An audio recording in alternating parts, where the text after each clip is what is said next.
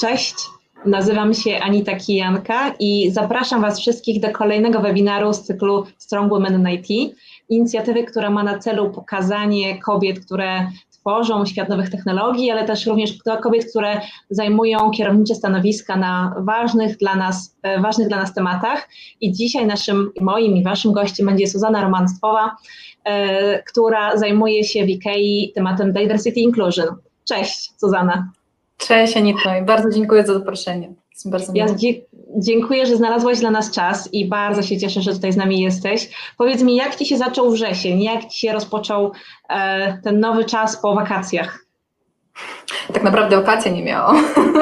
Nie tak, tak, tak, nie, nie było wakacji, było bardzo, bardzo produktywne lato i tak naprawdę ten wrzesień zapowiada się jeszcze bardziej produktywny, więc mamy pewnie pracy i, i, i energii. Najważniejsze, że mamy energię. No to najważniejsze. To najważniejsze. Pracujecie zdalnie, czy wróciliście chociaż w jakiejś części do biura? Częściowo pracuję w biurze, tak raz w tygodniu przyjeżdżam, więc tak pół na pół. I jak się odnajdujesz w pracy w domu? Pasuje Ci to, czy wolałabyś już tak wrócić na te dawne zwyczaje? No, ja tak naprawdę więcej odkrywam korzyści w pracy z domu, ponieważ e, większą częścią mojej pracy to są szkolenia e, i szkole e, naszych pracowników ze sklepów, więc teraz dzięki temu, że większość spotkań jest online, mam większy też zasięg tych szkoleń i spotkań, więc ja się bardzo cieszę i jest to praca dla mnie w moim przypadku jest bardzo produktywna, więc nie narzekam, nie narzekam. Myślę, że to jest fajna nowa rzeczywistość i dobrze to łączyć z tą poprzednią. Tak, tak. Ja myślę, że właśnie odnalezienie się w tej rzeczywistości nowej, wyciągnięcie z niej tego, co jest najkorzystniejsze dla nas i wykorzystanie jednak tego, co było w tej starej rzeczywistości, jakkolwiek dziwnie to dla mnie brzmi, e, też warto o tym pamiętać. To zacznijmy w takim razie od początku. Powiedz mi trochę więcej o Twoim stanowisku. Powiedziałaś, że zajmujesz się między innymi szkoleniami, no ale na pewno nie tylko. Jakbyś mogła trochę więcej nakreślić nam Twoje obowiązki, czym się dokładnie zajmujesz tak bym powiedziała w skrócie, jack of all trades, nie? bo tak naprawdę zajmuję się na co dzień różnorodnością i włączeniem. Jestem liderką w IKEA, e, pracuję w dziale People and Culture, były HR e, i tak naprawdę do moich obowiązków należy wszystko, co dotyczy diversity and inclusion. Są to też analizy danych, e, są to wypracowanie strategii, programów, szkolenia, spotkania, więc mam tego dużo, ale, ale to, to jest cała przyjemność tak naprawdę z mojej pracy, e, bo naprawdę tym żyję, w to wierzę i mam nadzieję, że sukcesywnie też realizuję. Super. Jeżeli będziecie mieli jakieś pytania, to zapraszamy do zadawania pytań w komentarzach. A moje pierwsze, takie, żebyśmy były, jak to już zaczęłaś, on the same page, powiedz mi, czym dla Ciebie jest diversity inclusion? Czym dla Ciebie jest diversity i czym jest inclusion? I czy widzisz różnice, albo czy mogłabyś zdefiniować Twoje różnice pomiędzy tymi dwoma pojęciami? E, no tak naprawdę są to zupełnie dwa różne pojęcia. E, w sieci krąży się określenia przez Verne Myers, że diversity is being invited to the party, inclusion is to be invited to dance. I ja tak naprawdę to określenie bardzo nie lubię, bo ono tak mocno upraszcza cały temat i też pokazuje go trochę z innej perspektywy niż nie warto byłoby na niego patrzeć. W moim, w moim rozumieniu różnorodność to właśnie e, coś, co opisuje różne przesłanki, różne cechy, pod kątem których się różnimy, różnimy, mogą być wrodzone lub nabyte. I różnorodność tak naprawdę jest faktem. Tak? To nie jest cel sam w sobie, to nie jest cel organizacji, to jest fakt. A z kolei włączanie albo inclusion e, to jest proces i to też jest wybór organizacji, w jaki sposób zarządzać różnorodnością i czy robić to w włączający sposób. I wtedy z definicji włączania będzie tak naprawdę sposób, w który ten różnorodny zespół zadziała, tak? Jak my współgramy te wszystkie różnorodne osoby, żeby, żeby najwięcej zyskać z nich różnorodności. Więc dla mnie to jest bardziej złożone e, i tak naprawdę znowu nie opisuje cel sam w sobie, jednak pokazuje tą całą podróż tak, połączenia. Jak dziś spotkałam się z taką definicją, która dla mnie osobiście jest taka ciekawa i atrakcyjna, że diversity jest o liczbach też w dużym stopniu, a inclusion o takich warunkach, jak te warunki um, zapewniamy dla tych liczb. Wiem, że to brzmi bardzo tak oschle, um, ale jak na to patrzysz? Zgodziłabyś się z tym pojęciem, czy raczej byś miała inne zdanie? Tak, w skrócie tak, ma to dużo, dużo prawdy w tym, tym określeniu. Jednak liczby to, to nie wszystko. Nawet pod kątem różnorodności e, oczywiście możemy patrzeć na nią przez pryzmat e, tych liczb, tak? Jednak doświadczenia też wskazują na różnorodność, a doświadczenia nie da się wyliczyć, to, to nie, nie w procentach. E, więc tak naprawdę bym powiedziała, że różnorodność ważna jest pod kątem tego, jak czy odzwierciedlamy na przykład społeczeństwo, tak, jako firma, czy odzwierciedlamy naszą bazę klientów, jednak czy też my tworzymy warunki, żeby te różne doświadczenia zaprosić do firmy. Więc tak, liczby jak najbardziej, tylko te doświadczenia też są bardzo, bardzo istotne, a włączanie właśnie to, w jaki sposób my to wykorzystamy. Um, ja mam takie trochę poczucie, e, które często wynik, zaczyna się w połowie lutego. E, zaczynają się ode mnie maile. E, dostaję coraz więcej maili, że szykują firmy jakieś wydarzenia związane z nim kobiet i szukają kogoś, kto trochę w tym temacie e, działa, mógłby opowiedzieć troszkę o tym, jak wygląda rynek kobiecy, czy w ogóle kwestia związana z komunikacją do kobiet. I przychodzi 8 marca i w zasadzie mój kalendarz jest totalnie nabity. Każdy gdzieś chce jakieś tam wystąpienie, jakiś event, jakieś działania. I to jest coś, co firmy traktują jako element związany z promocją kobiet w firmach. I zaczynam mieć wrażenie, że jeżeli ktoś robi Dzień Kobiet w firmie, to już robi kwestie związane z diversity inclusion.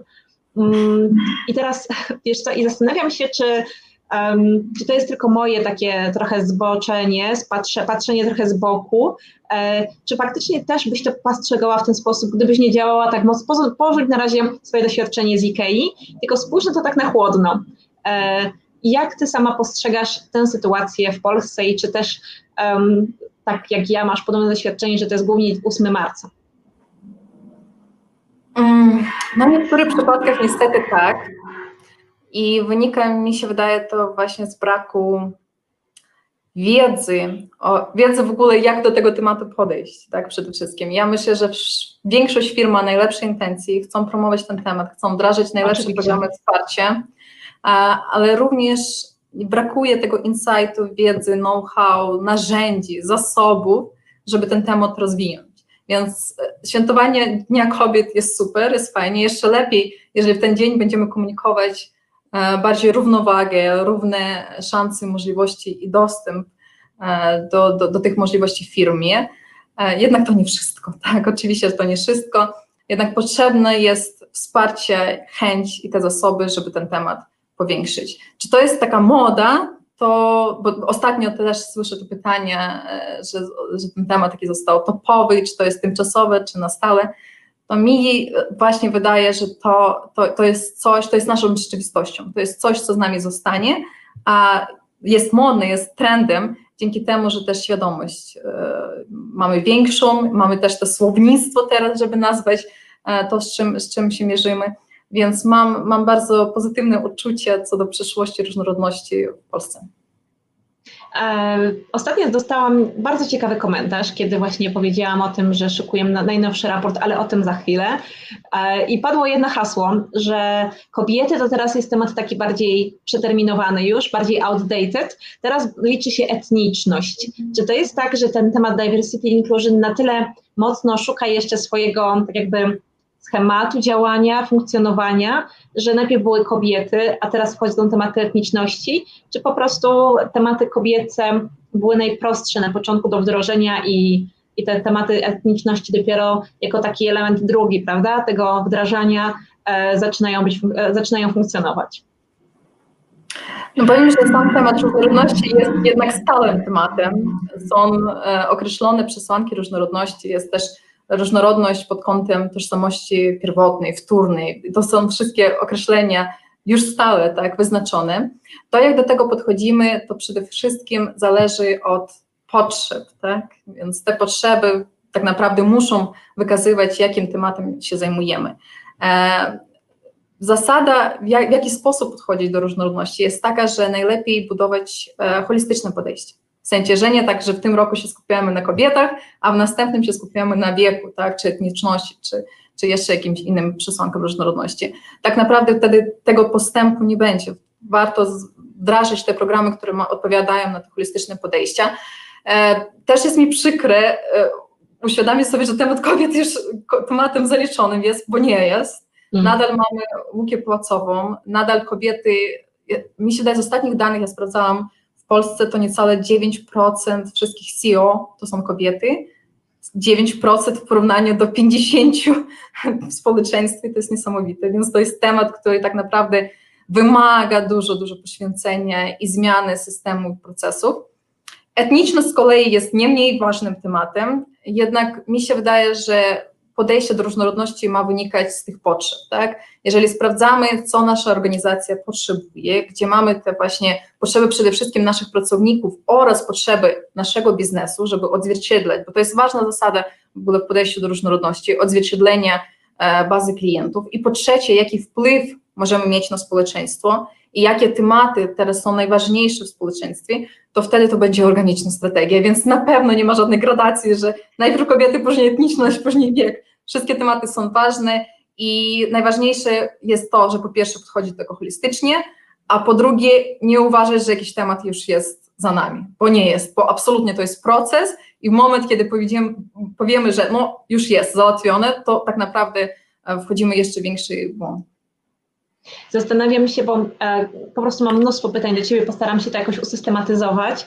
E, jedna rzecz, która mi tutaj bardzo się rzuca w oczy, to czy mm, jakie są dla Ciebie, tak może usystematyzujmy, ten temat, tak żeby osoby, które mają mniejszą wiedzę na temat diversity inclusion, również z tego jak najwięcej wyniosły. Jakie Twoim zdaniem, i może opowiedzmy na przykładzie właśnie IKEA na przykład, jakie Wy upatrujecie największe korzyści w tym, że wprowadziliście tą politykę związaną z diversity inclusion.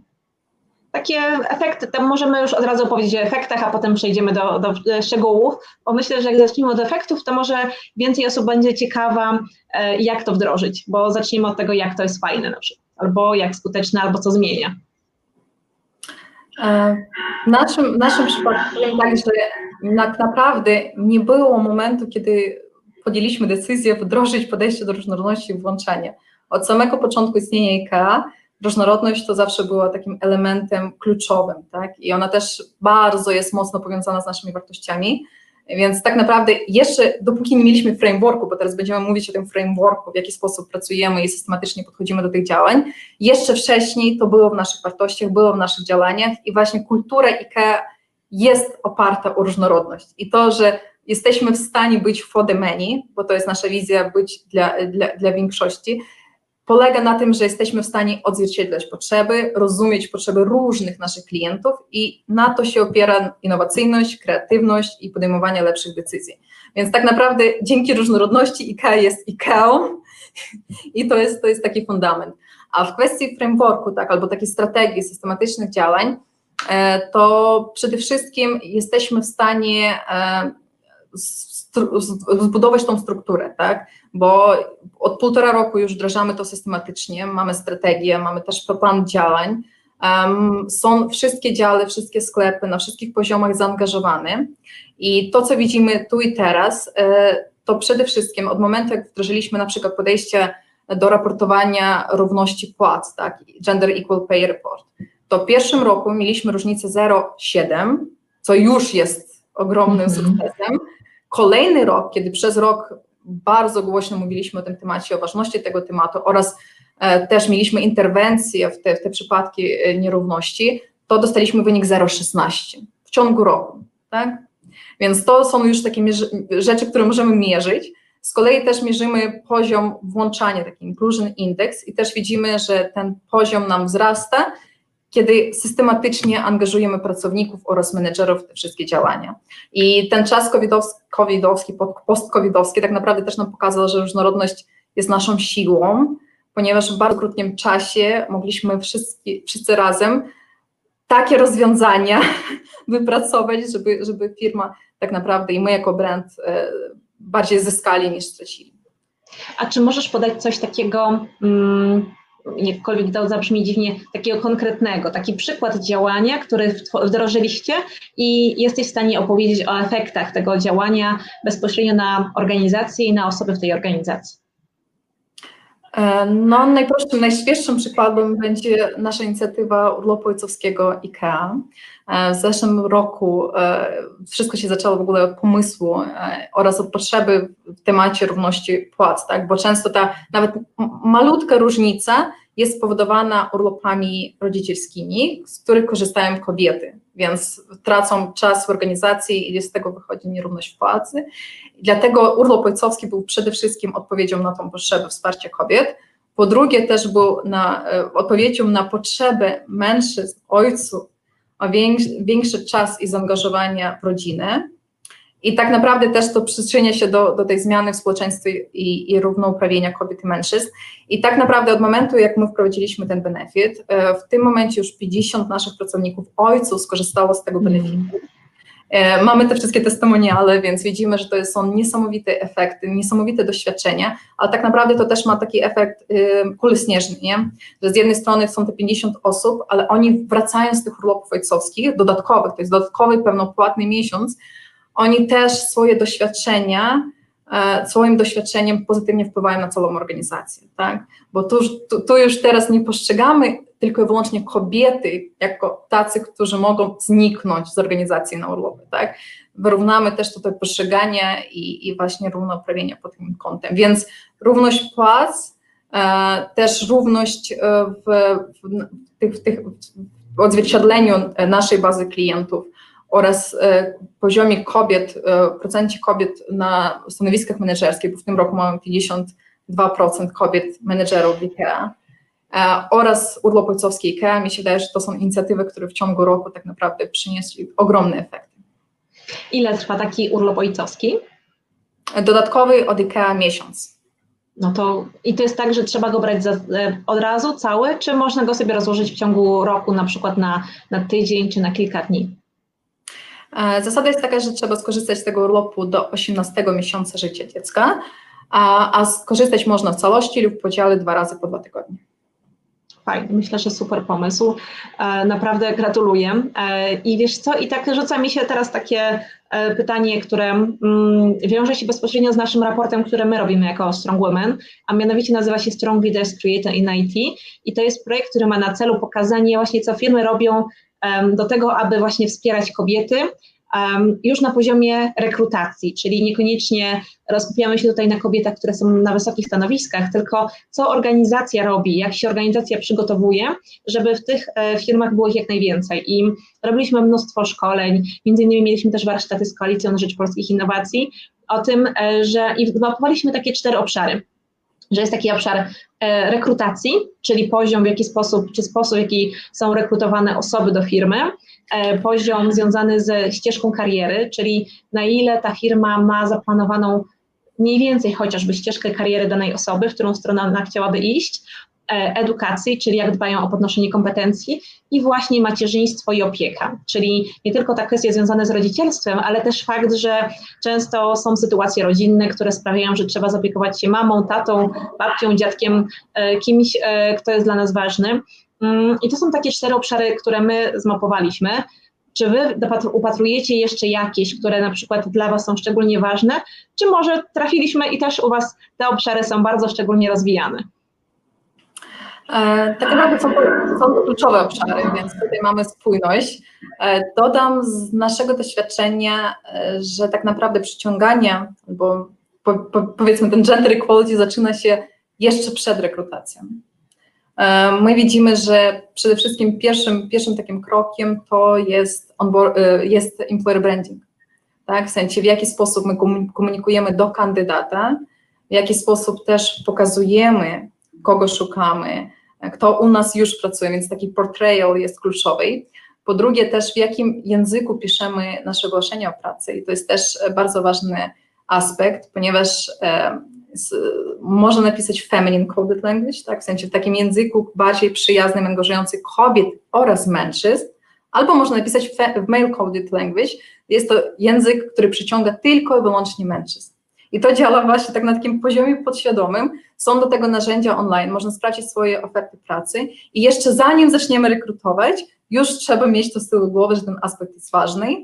Kolejnym ważnym aspektem jest selekcja i nie da się pozyskać tą, tą, tą równowagę 50 na 50 kobiet i mężczyzn, jeżeli nie sprawdzimy, że na poziomie selekcji mamy tą równowagę, tak?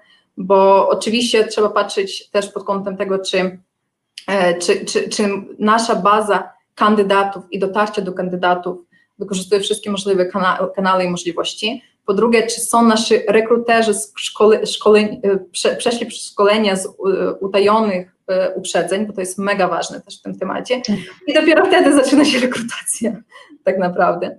I w tym, w tym temacie też ważny jest aspekt onboardingu, który też e, musi pokazywać z jednej strony wartości firmy i podejście do różnorodności i wyłączania. I też podkreślamy podczas onboardingu ważność tego tematu gender equality, więc jak osoba dołączy się do organizacji, to już od razu wie, że to jest nasz priorytet. A później tak, później e, awans, rozwój kariery, wynagrodzenie jest to kluczowy aspekt e, w tym temacie. E, I później wszystkie nasze programy wsparcia właśnie pełnienia ról opiekuńczych lub rodzicielskich są niezbędne. Więc tutaj mamy absolutną spójność, jednak proces też jest, jeszcze wcześniej się zaczyna, jest bardziej rozłożony. A który z tych aspektów według Ciebie jest najtrudniejszy dla firm? z tych, z tych, których powiedziałam. Mi się wydaje, że generalnie pod, pod kątem diversity and inclusion e, najtrudniejszym jest e, commitment, tak naprawdę, tak? W sensie, że, żeby, żeby powiedzieć sobie, że to jest nasz priorytet, tak? I że to nie jest priorytet, który jest zapisany gdzieś, a to jest naprawdę wartość dodana naszej organizacji, to jest zintegrowane ze wszystkimi naszymi projektami, naszymi priorytetami biznesowymi i wdrażamy to w każdej funkcji, tak? Więc to jest, to jest kluczowe, absolutnie. Wiem, że wiele, wiele firm z tym się e, zmierzają. Później oczywiście komunikacja i narracja, bo w, ogóle jak zaczynamy rozmawiać o gender equality, o równoprawieniu kobiet i mężczyzn i mówimy o tym, że ta równowaga jest dla nas tak ważna, to od razu słyszymy argumenty, że to są jakieś kwoty, tak, że liczby decydują, tak naprawdę nie. I to ważne jest też e, ta narracja i pokazywanie, że to jest częścią naszych wartości, że tutaj też nie chodzi nam o liczby, chodzi o równe traktowanie, chodzi o szacunek do drugiego człowieka i że to jest też część naszych, naszego holistycznego podejścia, naszej większej strategii, więc adresujemy wszystkie przesłanki różnorodności i robimy to w taki sposób. Więc to są może mniej konkretne rzeczy, ale są, są kluczowe, bo bez tej priorytetyzacji, bez tej narracji tak naprawdę nie da się w dobry sposób realizować proces rekrutacji, później onboardingu, awansu, selekcji itd. W polskich mediach mało jest o tym, ale na przykład w Stanach bardzo dużo czytam o, e, o tym, jak COVID wpłynął na sytuację kobiet. Mm, jak e, tak naprawdę dużo trudniej mają, e, kiedy dochodzi do sytuacji zwolnić czy nie zwolnić. I że tak, jeżeli mogę tak trochę zgeneralizować, to, to kobietom najbardziej się oberwało w wyniku pandemii. Czy myślisz, że właśnie pandemia sprawi, że ruch Diversity Inclusion jeszcze bardziej zyska na znaczeniu, czy wręcz może się okazać, że mm, to będzie taki efekt próby do tego podejścia? E, mi się wydaje, że epidemia właśnie w tym przypadku została takim katalizatorem, nie? Że z jednej strony na samym początku jeszcze w marcu bardzo się obawiałam, e, że teraz właśnie ten priorytet diversity and inclusion będzie, będzie zmieniony. Jednak to się pokazało, że na ile jesteśmy przygotowani, tak, na ile też zyskujemy właśnie pod kątem rozwiązań, udogodnień, kiedy już wcześniej zaczęliśmy wdrażać rozwiązania e, w obszarze diversity and inclusion oraz to, że, że te firmy tak naprawdę, które robią to sukcesywnie, są bardziej stabilne i są bardziej przygotowane na przyszłość, tak? I tutaj ten aspekt człowiek, człowiek, tak, to jest to, to, kluczowe, bo czasy się zmieniają, priorytety się zmieniają, ale jednak kiedy wartością jest, y, jest właśnie ten człowiek, jego potrzeby i pod kątem tego różnorodność i włączanie, to jest coś, co jest stabilne. Więc w moim, moim uczuciu to raczej e, nas wszystko patrzę pozytywnie i uważam, że to jest właśnie ten katalizator i będziemy mieć coraz więcej firm zaangażowanych w ten obszar. Oby tak było.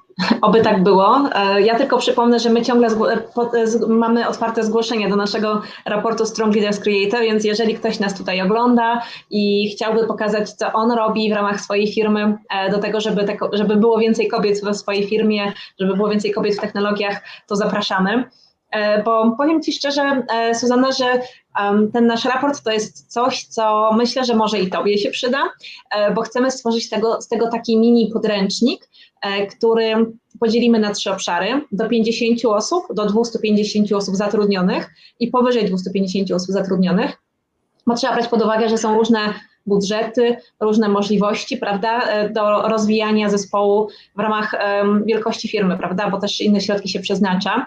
E, I chcemy zrobić coś w rodzaju takiego mini podręcznika, czyli co statystycznie firma do 50 pracowników i wzwyż robi e, w zakresie, no właśnie, edukacji, rekrutacji, ścieżki kariery, awansu itd., tak itd. Tak I E, szukałam różnych takich opracowań, które gdzieś by zebrały, pokazały, co faktycznie firmy robią w zakresie diversity inclusion tak naprawdę, no nie? Czy ty słyszałaś o takim opracowaniu albo znasz takie opracowanie? E, bo e, nasz research trochę tego nie pokazywał. Są fajne opracowania McKinsey'a Women in Workplace, mm, ale takiego szerszego, które by bardziej usystematyzował, co firmy robią jako takie wskazówki, jakieś takie e, fajne, do, dobre porady, co zrobić, to nie mogłam znaleźć, ale może coś mogłabyś nam tutaj powiedzieć, poradzić. No właśnie, kiedy, kiedy chcę się dowiedzieć, co, co się dzieje w branży, jak inne firmy do tego podchodzą, to właśnie też e, do, do, się do tego, że to jest wyzwanie, bo niestety ta wiedza nie jest, nie jest systematyzowana.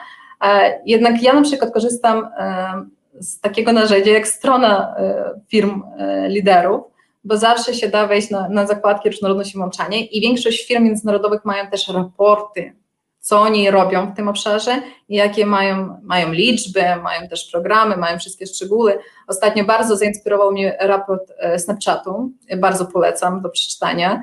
E, Uber też ostatnio e, opublikowali swój raport, więc też to jest źródło wiedzy i dobrych przykładów i praktyk. No i tak naprawdę wszystkie działowe konferencje to też bardzo, bardzo wspierają i pomagają. Mamy też swoje różne spotkania e, ekspertów diversity and inclusion e, w gronie firm w Polsce i też to dla mnie jest taka ogromna dawka e, wiedzy i inspiracji. A oczywiście, jeżeli tak popatrzymy bardziej międzynarodowo, to raporty McKinsey, Deloitte'a, to, to, to oczywiście co roku dają taki benchmark, nie, na jakim poziomie firmy są. No właśnie, bo czyli jednak dobrze mi się wydawało, że nie ma tego jakoś zebranego. E, podejrzewam, że wynika to z tego, że po prostu to jest bardzo duże wyzwanie, które na przykład my teraz osobiście odczuwamy na sobie, kiedy zachęcamy te firmy, żeby e, po pierwsze zadeklarowały czy wyraziły chęć opowiedzenia, co robią, a z drugiej strony to jest też tak, że te firmy muszą coś robić e, i mieć to jakoś usystematyzowane, żeby chcieć w tym brać udział, więc myślę, że no właśnie, a jak ty postrzegasz, na razie zacznijmy od Polski, e, świadomość faktycznie praktykowania tej polityki diversity inclusion w praktyce, tego stosowania założeń wspierających rozwój równości um, właśnie płci, um, jak również i e, kwestii związanych z różnorodnością etniczną. Czy myślisz, że, no właśnie, jakie jest twoje zdanie? Jak sytuacja wygląda w Polsce?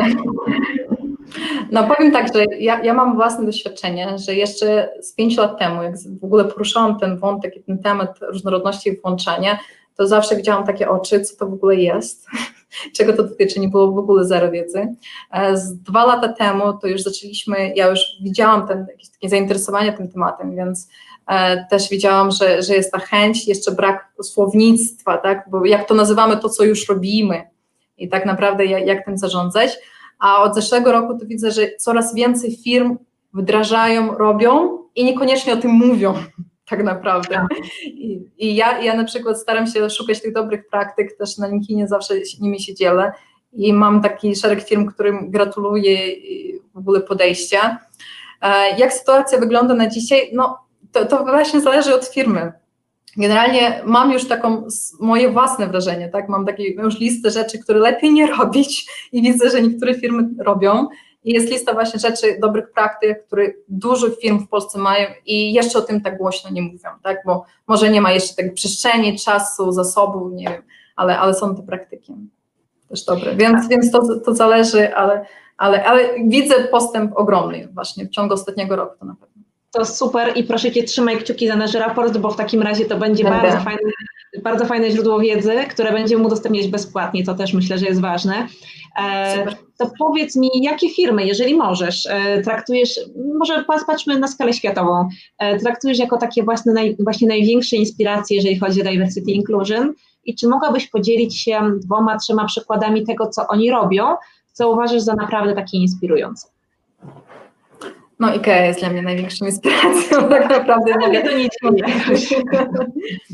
Oprócz IKEA. Oprócz okay, IKEA. Tak, ja na przykład bardzo, dla mnie ogromnym źródłem inspiracji jest Netflix. I mhm. mają też swoje lepsze i gorsze czasy, bo też włączanie to jest procesem, tak? To nie jest zawsze, nie ma jednej idealnej firmy, to, to trzeba po prostu zaakceptować. E, jednak Netflix ma ogromny postęp w tym temacie i, i dla mnie jest przykładem. E, oprócz tego oczywiście e, w Polsce ostatnio bardzo mi spodobało podejście Elixu, że oni poruszyli temat właśnie równości płac. Zrobili to w bardzo swój kreatywny sposób, kampania, która wyszła 8 marca, ale jednak, że ten temat zaczął żyć, tak, bo my to też wdrażamy i robimy od jakiegoś czasu, a oni to tak nagłosili ten temat, więc to było super fajne. E, McDonald's w Polsce też bardzo dużo robi pod kątem włączania osób 50+, plus i ja, dla mnie też są inspiracją. I właśnie to jest firma, której nie tak dużo słychać w branży, chociaż oni robią niesamowite, fajne rzeczy. I też na LinkedInie ostatnio pokazywała przykład RTV AGD i właśnie w jaki sposób oni komunikują do kandydatów swoją, swoją politykę różnorodności włączania i w tym przypadku to było ogłoszenie o pracy E, magazyniera, gdzie widzimy kobietę 50 plus. I to w ogóle to, to było niesamowity dobry przykład, bo z jednej strony przełamujemy bariery, że to magazynier to nie jest tylko wyłącznie mężczyzna, po pierwsze. Po drugie, że w tej branży mogą pracować osoby 50, plus, co jest, to jest bardzo ważne, tutaj też wspieramy i, i sukcesywnie wdrażamy w IKEA te podejścia. E, no i po trzecie, że ten język, którym to, to ogłoszenie było napisane, było bardzo włączające, więc ja, ja, ja im gratuluję, to jest super fajne podejście i jak mówię, że coraz więcej firm dają te dobre praktyki i może niekoniecznie głośno o tym mówią, ale, ale one są. Powiedziałaś również o jeszcze jednej rzeczy i chciałabym Cię trochę pociągnąć za język. Wspomniałaś, że są takie praktyki, których Ty nie polecasz, e, że Ty widzisz, że niektóre firmy je robią, ale lepiej, żeby tego nie robiły. No to zdradź chociaż jedną z tych rzeczy, którą uważasz, że jest dość popularna, firmy ją stosują, ale Ty nie jesteś zbytniej, e, no nie jesteś jej orędowniczką. Może właśnie powiem bardziej o podejściu, tak, niż o konkretnych praktykach, bo praktyki też wychodzą z tego podejścia. Bardzo często słyszę o czymś takim jako diversity of thought, tak, różnorodność myśli, pomysłu. I też słyszę na przykład takie, takie uzasadnienia, że po co nam się skupiać na płci, wieku, pochodzeniu, e, orientacji seksualnej, jeżeli tak jesteśmy różnorodni, bo mamy różne pomysły. I właśnie, i to często mówią zespoły bardzo homogeniczne e, i rzeczywiście różnorodność myśli, pomysłu, doświadczeń jest bardzo ważna, jednak to nie jest punkt startowy tak naprawdę. Prawdziwą różnorodność pomysłu mhm. da się pozyskać wtedy, kiedy my już mamy zasady równego traktowania, kiedy mamy już różnorodność w firmie, kiedy mamy różne, różne, różne możliwości i równy dostęp do tych możliwości. Później tworzymy mhm. to włączanie i włączającą kulturę, co daje nam poczucie przynależności, to jest cały proces. I dopiero wtedy, jak ta osoba czuje, że ona jest doceniona przez swoją wyjątkowość, nie powinna się ukrywać, że, że nie wiem, skąd pochodzi, kim jest, że ma, nie wiem, dzieci, tak, i takie różne przesłanki, e, również czuje się częścią zespołu, więc czuje tą przynależność, dopiero wtedy pojawia się różnorodność myśli, pomysłu, ten diversity of thought. I to jest ta właśnie ten taki punkt końcowy, wynik tych wszystkich działa, ani, ani przeciwnie. Więc ta narracja to na pewno trochę jest, jest, jest super intencja, jednak trochę jest odwrócona. I tak naprawdę to, to, to, to, zupełnie inaczej wygląda. Trochę e, taka droga na skróty, prawda? E, droga na skrót też, która wynika z uproszczenia, tak? że często chcemy E, chcemy jednak pozostać, to jest też naturalne, mamy, tak, nasz tak też mózg działa, także chcemy się sobie upraszczać, chcemy też pozostać w grupie homogenicznej, bo to się nam wiąże z większym bezpieczeństwem i, i to właśnie to też na to wpływa, więc uświadomienie sobie, że ten proces jest złożony i jednak różnorodność pod kątem płci, wieku, orientacji, pochodzenia jest punktem wyjściowym, jest bardzo ważnym, jest właśnie tutaj, tutaj fundamentem przyznam, że podziwiam Twoją pasję i jest niesamowicie, mm, ja czuję ją przez ekran komputera, jak po prostu, jak bardzo Ty tym żyjesz. E, mówiłaś, że już półtora roku pracujesz e, nad tym tematem, tak? U Was w IKEA.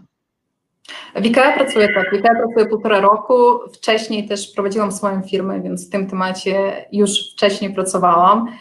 Jeszcze wtedy komunikowałam to bardziej z, z perspektywy zarządzania, zaangażowania, wielokulturowości, ale jednak tak chodziło o różnorodność i włączanie, jednak to słownictwo jeszcze było wtedy inne. Ja tym tematem żyję e, osobiście całe swoje życie, bo, bo mi się wydaje, że tak się też czuję, tą, czuję się tą różnorodnością. A tak, tak zawodowo to tak już od 5-6 lat e, w tym, w tym jestem i, i mam dużo energii, żeby, żeby działać dalej. Jak wspomniałaś, temat różnorodności w Polsce jest jeszcze moim zdaniem dość raczkujący, no bo wiąże się właśnie z szeregiem wyzwań. Trochę już wymieniłaś, ale gdybyś mogła tak jakby podsumować, zebrać jako taką pigułkę Twoje takie pierwsze, które przychodzą Ci do, do głowy, wyzwania, z jakimi mierzyć się będzie firma, która dopiero będzie zaczynać swoją przygodę z diversity inclusion tak w praktyce, to co byś wymieniła? E, przede wszystkim uświadomienia sobie, że różnorodność nie jest zagrożeniem. To jest tak prosta rzecz, a jest kluczowa. Różnorodność jest tą siłą napędową biznesu. To po, po, prostu trzeba zmienić w ogóle taki mindshift zrobić, tak? Że to nie jest coś, pomimo czego my chcemy coś osiągnąć, to jest coś, dzięki czemu my osiągniemy więcej. Więc zmieniamy w ogóle typ myślenia. Po drugie, czy to wynika z naszych wartości? I tu mówię o wartościach, nie tych, które są zapisane, a tak naprawdę te, które organizacja żyje na co dzień. To jest bardzo ważne, bo wtedy całe podejście będzie organicznie się rozwijało i wspierane przez liderów. Więc wartości są, są kluczem. E, po trzecie, narracja. I to jest znowu ważne, holistyczne podejście przede wszystkim, tak? I, i, I zadbanie o wszystkie grupy, również o grupę większościową. I kiedy mówię na przykład o temacie e, gender equality, równoprawienia kobiet i mężczyzn, to wtedy wszystkie inicjatywy, które robimy dla kobiet, angażujemy w to mężczyzn. Jeżeli mówimy o equal pay i o tym, że to jest mocno powiązane z rodzicielstwem, to wspieramy kobiet, ale również dajemy możliwości mężczyznom, tak, żeby, żeby to właśnie musi być zawsze całościowe. Więc to holistyczne podejście jest bardzo ważne i narracja, bo to robimy, bo mamy takie wartości i robimy to, bo to jest korzystne, robimy to, bo to pozytywnie wpływa na nasze społeczeństwo i to tak naprawdę wspiera nasz biznes. Daje nam naprawdę, to jest mnóstwo badań na ten temat, ale w praktyce to tak, to nawet logicznie pomyśląc, mając różnorodne zespoły, mając różnorodność właśnie tych wszystkich doświadczeń i, i, i, i tych, nawet patrzenia na świat, jesteśmy po pierwsze w stanie pewnie zrozumieć naszych klientów i po drugie wyjść naprzeciw tym potrzebom, tak, które są bardzo dynamiczne, bardzo się zmieniają. Więc dla społeczeństwa, dla biznesu, dla nas to jest sama korzyść. I, i właśnie od, od to jest taki, taka podstawa. A później usiąść i zrobić audyt, co się dzieje w mojej firmie, gdzie jestem. I dopiero wtedy zaczynać wdrażać. I myślę, że kolejnym takim wyzwaniem jest ta konsekwencja, o której wspomniałaś, żeby to nie były takie działania ad hocowe na zasadzie właśnie um, Dzień Kobiet, czy jakiś, nie wiem, Mikołaj, czy Dzień Dziecka, czy jakikolwiek inny dzień, Dzień Babci, Dzień Dziadka, e, tylko faktycznie coś, co będzie raczej przemyślaną, poukładaną strategią i jakimiś takimi praktycznymi działaniami. Tak, tak. I też, też wyznaczone zasoby pod te działania. To jest też taki błąd, który niestety popełniają większość firm, że bardzo chcą wdrażać, absolutnie, ale jeszcze nie mają wyznaczonych, określonych zasobów, nie mają też osoby, która będzie ten proces monitorować sukcesywnie, nie angażują pozostałe działy, bo tak naprawdę temat różnorodności włączenia to nie jest temat tylko i wyłącznie HR-owy, absolutnie. On bardzo mocno się wiąże ze sprzedażą, z marketingiem, e, z finansami, z komunikacją, więc to jest tak naprawdę zadaniem całej organizacji. E, I, i tak naprawdę ta, ta systematyczność, tak? bo wtedy dopiero to będzie miało e, te wszystkie pozytywne korzyści, kiedy to będzie systematycznie wdrażane. Więc to absolutnie z Tobą się zgadzam. Czy myślisz, że nie ma takich osób czy takich zasobów wyznaczonych do koordynacji, bo blokadą są pieniądze, czy nie wiedza? E, na pewno, na pewno nie są pieniądze, bo to nie jest jakieś ogromne inwestycje, absolutnie. Mi się wydaje, że to nie wiedzę, jak to systematyzować i strukturyzować, po pierwsze, ale to też łatwo da się zrobić, a po drugie ta priorytetyzacja, bo jednak często się wydaje, że to jest jakiś temat dodatkowy, że najpierw zapewnimy podstawy, tak, zadbamy o nasz biznes, o naszą komunikację, o marketing, o sprzedaż i dopiero wtedy będzie różnorodność i włączenie. a tak naprawdę to ma być całościowo i równościowo zrobione w tym samym czasie. Więc priorytetyzacja i też zrozumienie tego, że tam jest business case, tak, że to jest, to jest ta konieczność biznesowa w tym wszystkim też. Mamy pytanie od Kingi. Jak w Pani ocenie wygląda wdrażanie praktyk związanych z ideą diversity inclusion w poszczególnych branżach w Polsce? Czy są branże, w których ta idea jest szczególnie widoczna i podkreślana? Które branże przejawiają braki w tym temacie? No właśnie, czy są jakieś branże, które są takie dominujące? Czy, czy uważasz, czy widzisz takie branże, które właśnie w pierwszej kolejności e, szybko wdrażają tą ideę, a są takie, które są bardziej oporne i niechętnie podchodzą do tego tematu? No właśnie, w temacie branży to myślę, że, że firmy technologiczne są tutaj bardziej aktywne.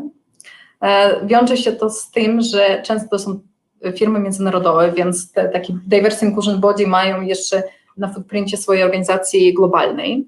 E, to po pierwsze. Po drugie, też dla nich priorytetem jest innowacyjność, kreatywność i oni już rozumieją, że to się mocno wiąże z diversity inclusion, więc myślę, że te firmy technologiczne e, są liderami, jednak też mają największe wyzwania. Właśnie w temacie gender equality myślę, że dla, dla tych firm to, to jest największe wyzwanie. My pracując w retailu mamy trochę prostszej, bo z natury rzeczy przyciągamy i kobiet, i mężczyzn i, i, i właśnie tutaj mamy trochę mniejsze wyzwanie. Większym wyzwaniem z kolei jest to, żeby w managemencie, w zarządzaniu y, trzymać tej proporcji. E, no i z mojej perspektywy oczywiście ja bym bardzo chciała, żeby więcej firm retailowych wspierali ten temat, zwłaszcza to, że baza klientów firm retailowych jest bardzo różnorodna, zwłaszcza pod kątem wieku, bo wiek to jest w ogóle ważny bardzo temat, bardzo aktualny też dla Polski i niestety jeszcze nie zmieniony przez firmy, bo tak patrząc ogólnie na statystykę, e, wśród klientów firm retailowych to prawie 25% klientów to są osoby 50+, plus, 25%, tak? Kiedy większość firm wśród swoich pracowników mają niecałe 5, 6, 7% osób 50, plus, więc tutaj widzimy tę tą różnicę i czy jesteśmy tak naprawdę na poziomie firmy w stanie odzwierciedlać i zrozumieć potrzeby naszych klientów. Więc, więc ja bym bardzo chciała, żeby, żeby nasz, w tym właśnie, w, tym, w, tej, w tej dziedzinie, w której pracujemy, żeby było więcej, więcej firm retailowych. Kiedyś zajmowałam się komunikacją um, do kobiet, adresowaną do kobiet i no i niestety prawda jest taka, że czytałam głównie literaturę e, ze Stanów Zjednoczonych, bo w Polsce jest jej bardzo mało, może dwie czy trzy autorki są, um, ale i to był dla mnie wtedy ogromny rynek, muszę przyznać, e, żeby nie robić tego wszystkiego na różowo, nie, nie, żeby nie było to mniejsze, ale potem natrafiłam, że właśnie taki grey, grey generation, czyli właśnie osoby 55 plus, 60 plus, E, to jest naprawdę prawdziwy, prawdziwe pole do popisu, jeżeli chodzi o komunikację, ale również o sprzedaż. I faktycznie, jak tak sobie pomyślę, to co powiedziałaś, to jest e, super ważne, żeby nie, nie, kierować e, tej komunikacji przede wszystkim na przykład na TikToku, gdzie raczej nie ma takich starszych osób, a myśleć o takich miejscach, bo to też to miejsce, prawda, gdzie komunikujemy, w zależności od doboru grupy docelowej będzie bardzo ważne. Powiem Ci, że jeżeli ty mierzysz się z tymi wszystkimi wyzwaniami, czyli płeć, wiek, e, temat e, orientacji seksualnej, temat pochodzenia i ty to wszystko ujmujesz w ramach waszej działalności jako IKEA, no to naprawdę nie nudzisz się. Dlatego nie miałam urlopu. Żartuję oczywiście, ale, ale tak, to, to jest taki bardzo, bardzo złożony temat i wymaga maksymalnego zaangażowania. To powiedz, jak się uczysz, jak zdobywasz wiedzę? Powiedziałaś już e, troszkę o tym, że szukasz raportów i analiz, które są dostępne bezpośrednio na stronach, e, film, które dla Ciebie są inspiracją albo z których mogłabyś się czegoś uczyć. Co jeszcze? Skąd jeszcze czerpiesz wiedzę? E, no tak naprawdę ja uważam, że najlepszym źródłem wiedzy są badania, badania naukowe i to może takie, to nie, nie jest to oczywiste, oczywiste źródło, jednak jest, jest najbardziej skuteczne, ponieważ nam się wydaje, że to jest temat taki miękki, tak? Różnorodność i włączanie. Tak naprawdę, e, zwłaszcza w Stanach, jest bardzo dobrze przebadany i jeżeli chcemy systematycznie wdrażać e, te programy i działania, które rzeczywiście będą mieć przełożenie na zaangażowania, na sukcesję, na rotację, to oni muszą być evidence-based, w sensie, że jest udowodnione, -hmm. że, że, że, że, wcześniej, e, wcześniej to było wszystko przebadane, więc polecam w ogóle Google Scholar i poszukać sobie badań na różne tematy. Ja osobiście e, w tym roku zaczęłam dodatkowo studia na Harvardzie I to jest dla mnie odkrycie w ogóle, bo kierunek, który teraz, który, który, do którego teraz się dołączyłam, to jest Psychology of Diversity. I moją profesorką jest dr Mona Siu Weissmark, która jest mhm. światową ekspertką w temacie diversity. I im więcej poznaję, tym więcej rozumiem, że jeszcze nie wiem, tak? Więc to, to jest takie naprawdę never ending story, więc e, studia na Harvardzie też polecam. E, oprócz, oprócz studiów to książki. Ja właśnie e, nieprzypadkowo, nieprzypadkowo absolutnie przygotowałam, mogę pokazać. To jest właśnie ta książka mojej profesorki. Mhm. Ona się nazywa Science of Diversity i to właśnie ten evidence-based approach, kiedy mówimy o tym, że różnorodność jest już dawno zmierzona i wyznaczone i, i w ogóle świetna książka, naukowa, ale bardzo, bardzo przydatna dla nas. A kolejna to jest Impulsify, też jest moje znalezienie od, od miesiąca, yy, przez Stephanie Johnson napisana. I ta jest książka, to jest więcej niż książka tak naprawdę, bo opiera się o wywiady, yy, które dr Johnson przeprowadziła, yy, angażując 1500 firm i ona wow. określiła właśnie różne style zarządzania różnorodnością i w ogóle jest świetna.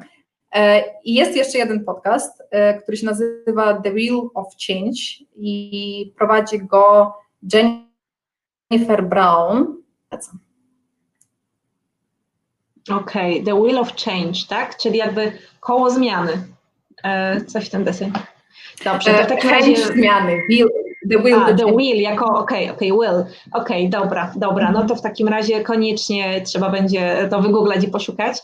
Mm, a jaką najlepszą radę biznesową dostałaś e, w tym roku albo w ostatnim czasie, którą, która bardzo Ci pomaga w Twojej codziennej pracy, ale też e, może wcześniej już ją usłyszałaś i na przykład bardzo dużo zmieniła w Twoim życiu? Nie wiem, czy to jest biznesowa. Ostatnio cały czas, mhm. cały czas to mam tyłu głowy, żeby nie rezygnować z czego, jeżeli się boisz. Mhm. Jeżeli, jeżeli twoja decyzja jest uwarunkowana właśnie brak, brakiem wcześniejszego doświadczenia, to żeby z tego nie rezygnować, bo jednak ten precedent trzeba zrobić, tak? I to właśnie bardzo aktualne jest też do tematu różnorodności, który, który jest y, taki nowy w niektórych przypadkach, tak? I ten strach czegoś, czego do końca jeszcze nie znamy, jeszcze nie wdrożyliśmy, jeszcze tak mało dobrych przy, przykładów i praktyk, często też zniechęca i właśnie, żeby nie poddawać się, żeby, żeby próbować, nie? Żeby próbować. Bo wiesz co, miałam pyta, pytanie przygotowane do Ciebie pod kątem, jakie kraje według Ciebie są najbardziej rozwinięte, jeżeli chodzi o diversity inclusion, ale myślę, że to są Stany i pewnie mi zaraz powiesz, że to są Stany, chyba, że nie mam racji. Światowo tak, Stany. E, w Europie to oczywiście Szwecja. Szwecja. Według, no.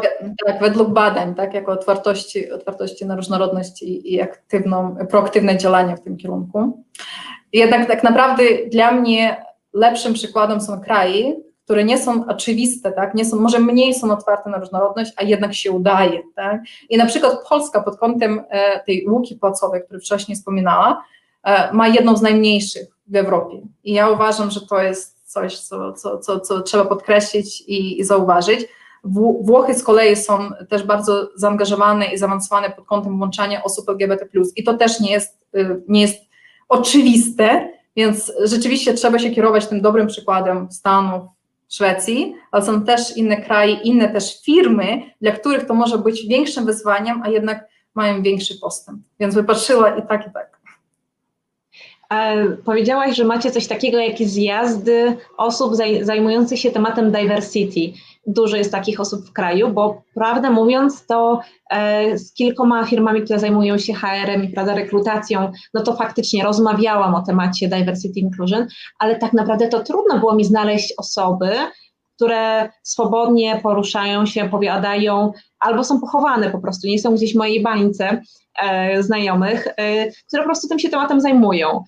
Jak ty to postrzegasz? Jakbyś mogła tak oszacować? Nie, mus, nie musisz mówić o liczbach, bo wiadomo, że nie o to chodzi, ale czy mm, dużo jest takich ekspertów? No osobiście znam 20 osób.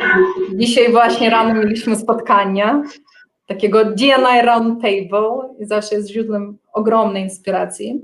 Też zrobię dodatkową reklamę Diversity Hubu. Jest to organizacja non-profit, która nas wszystkich łączy, szkoli, wspiera też oni będą mieć konferencję w listopadzie, mi się wydaje, i tam też można e, poznać dużo więcej osób, które aktywnie działają, działają w tym temacie. 20 osób, tak? No to ja znam osobiście. No pewna, ty znasz osobiście. No ale wiesz, ja sobie tak pomyślę, ile ja znam osób w mojej branży, prawda? Czy zajmują się komunikacją, e, czy pracują w nowych technologiach, to jest dużo, dużo, dużo więcej. Więc to z jednej strony jest dobre, no bo wiadomo, że jest pole do edukacji, e, fajnego podawania przykładów, jak to faktycznie rozwiązać, ale też to pokazuje, że kurczę, no nie wystarczy was wszystkich, żeby w naszym kraju ta świadomość była większa. I mi się wydaje, że to jest dopiero początek. I mi się mm. wydaje, że w tym roku niech to będzie 20, w następnym to będzie 40 i to będzie właśnie rosło bardzo, bardzo szybko. Jestem, jestem przekonana, że za, za 5 lat będzie nas mnóstwo i będziemy mówić, że po prostu jest taka konkurencja w branży i to będzie się. No to życzmy sobie tego w takim razie. Dziękuję. No to powiedz mi w takim razie, bo um, czy teraz realizujecie jakiś projekt, o którym chciałabyś opowiedzieć?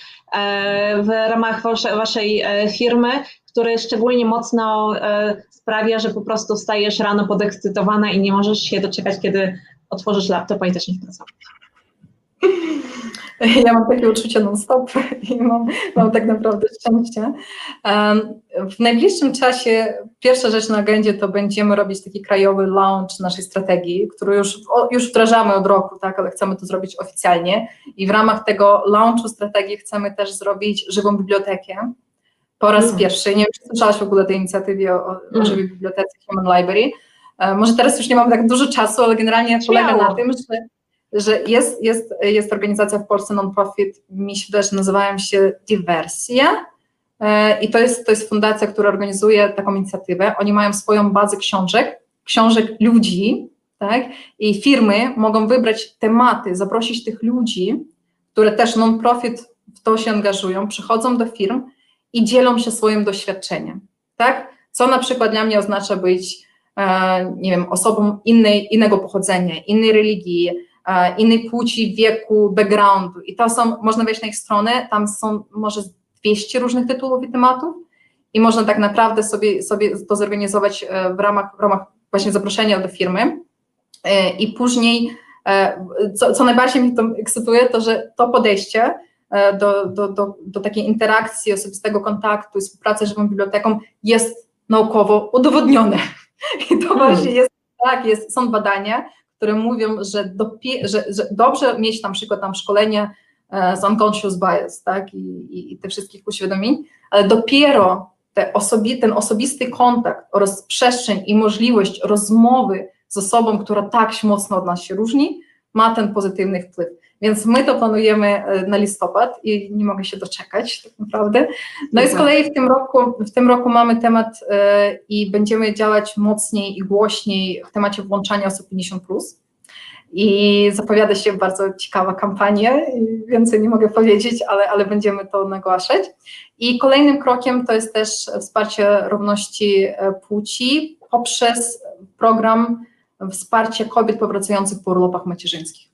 Bo w mhm. zeszłym roku zrobiliśmy ojcowski, a teraz jest to ten drugi filar tego podejścia, tak naprawdę to jest wsparcie kobiet po macierzyńskim, w ogóle zmiana narracji e, co do macierzyńskiego, tak, że, że to nie jest żaden stracony rok, to jest tak naprawdę najlepsze szkolenie osobowości.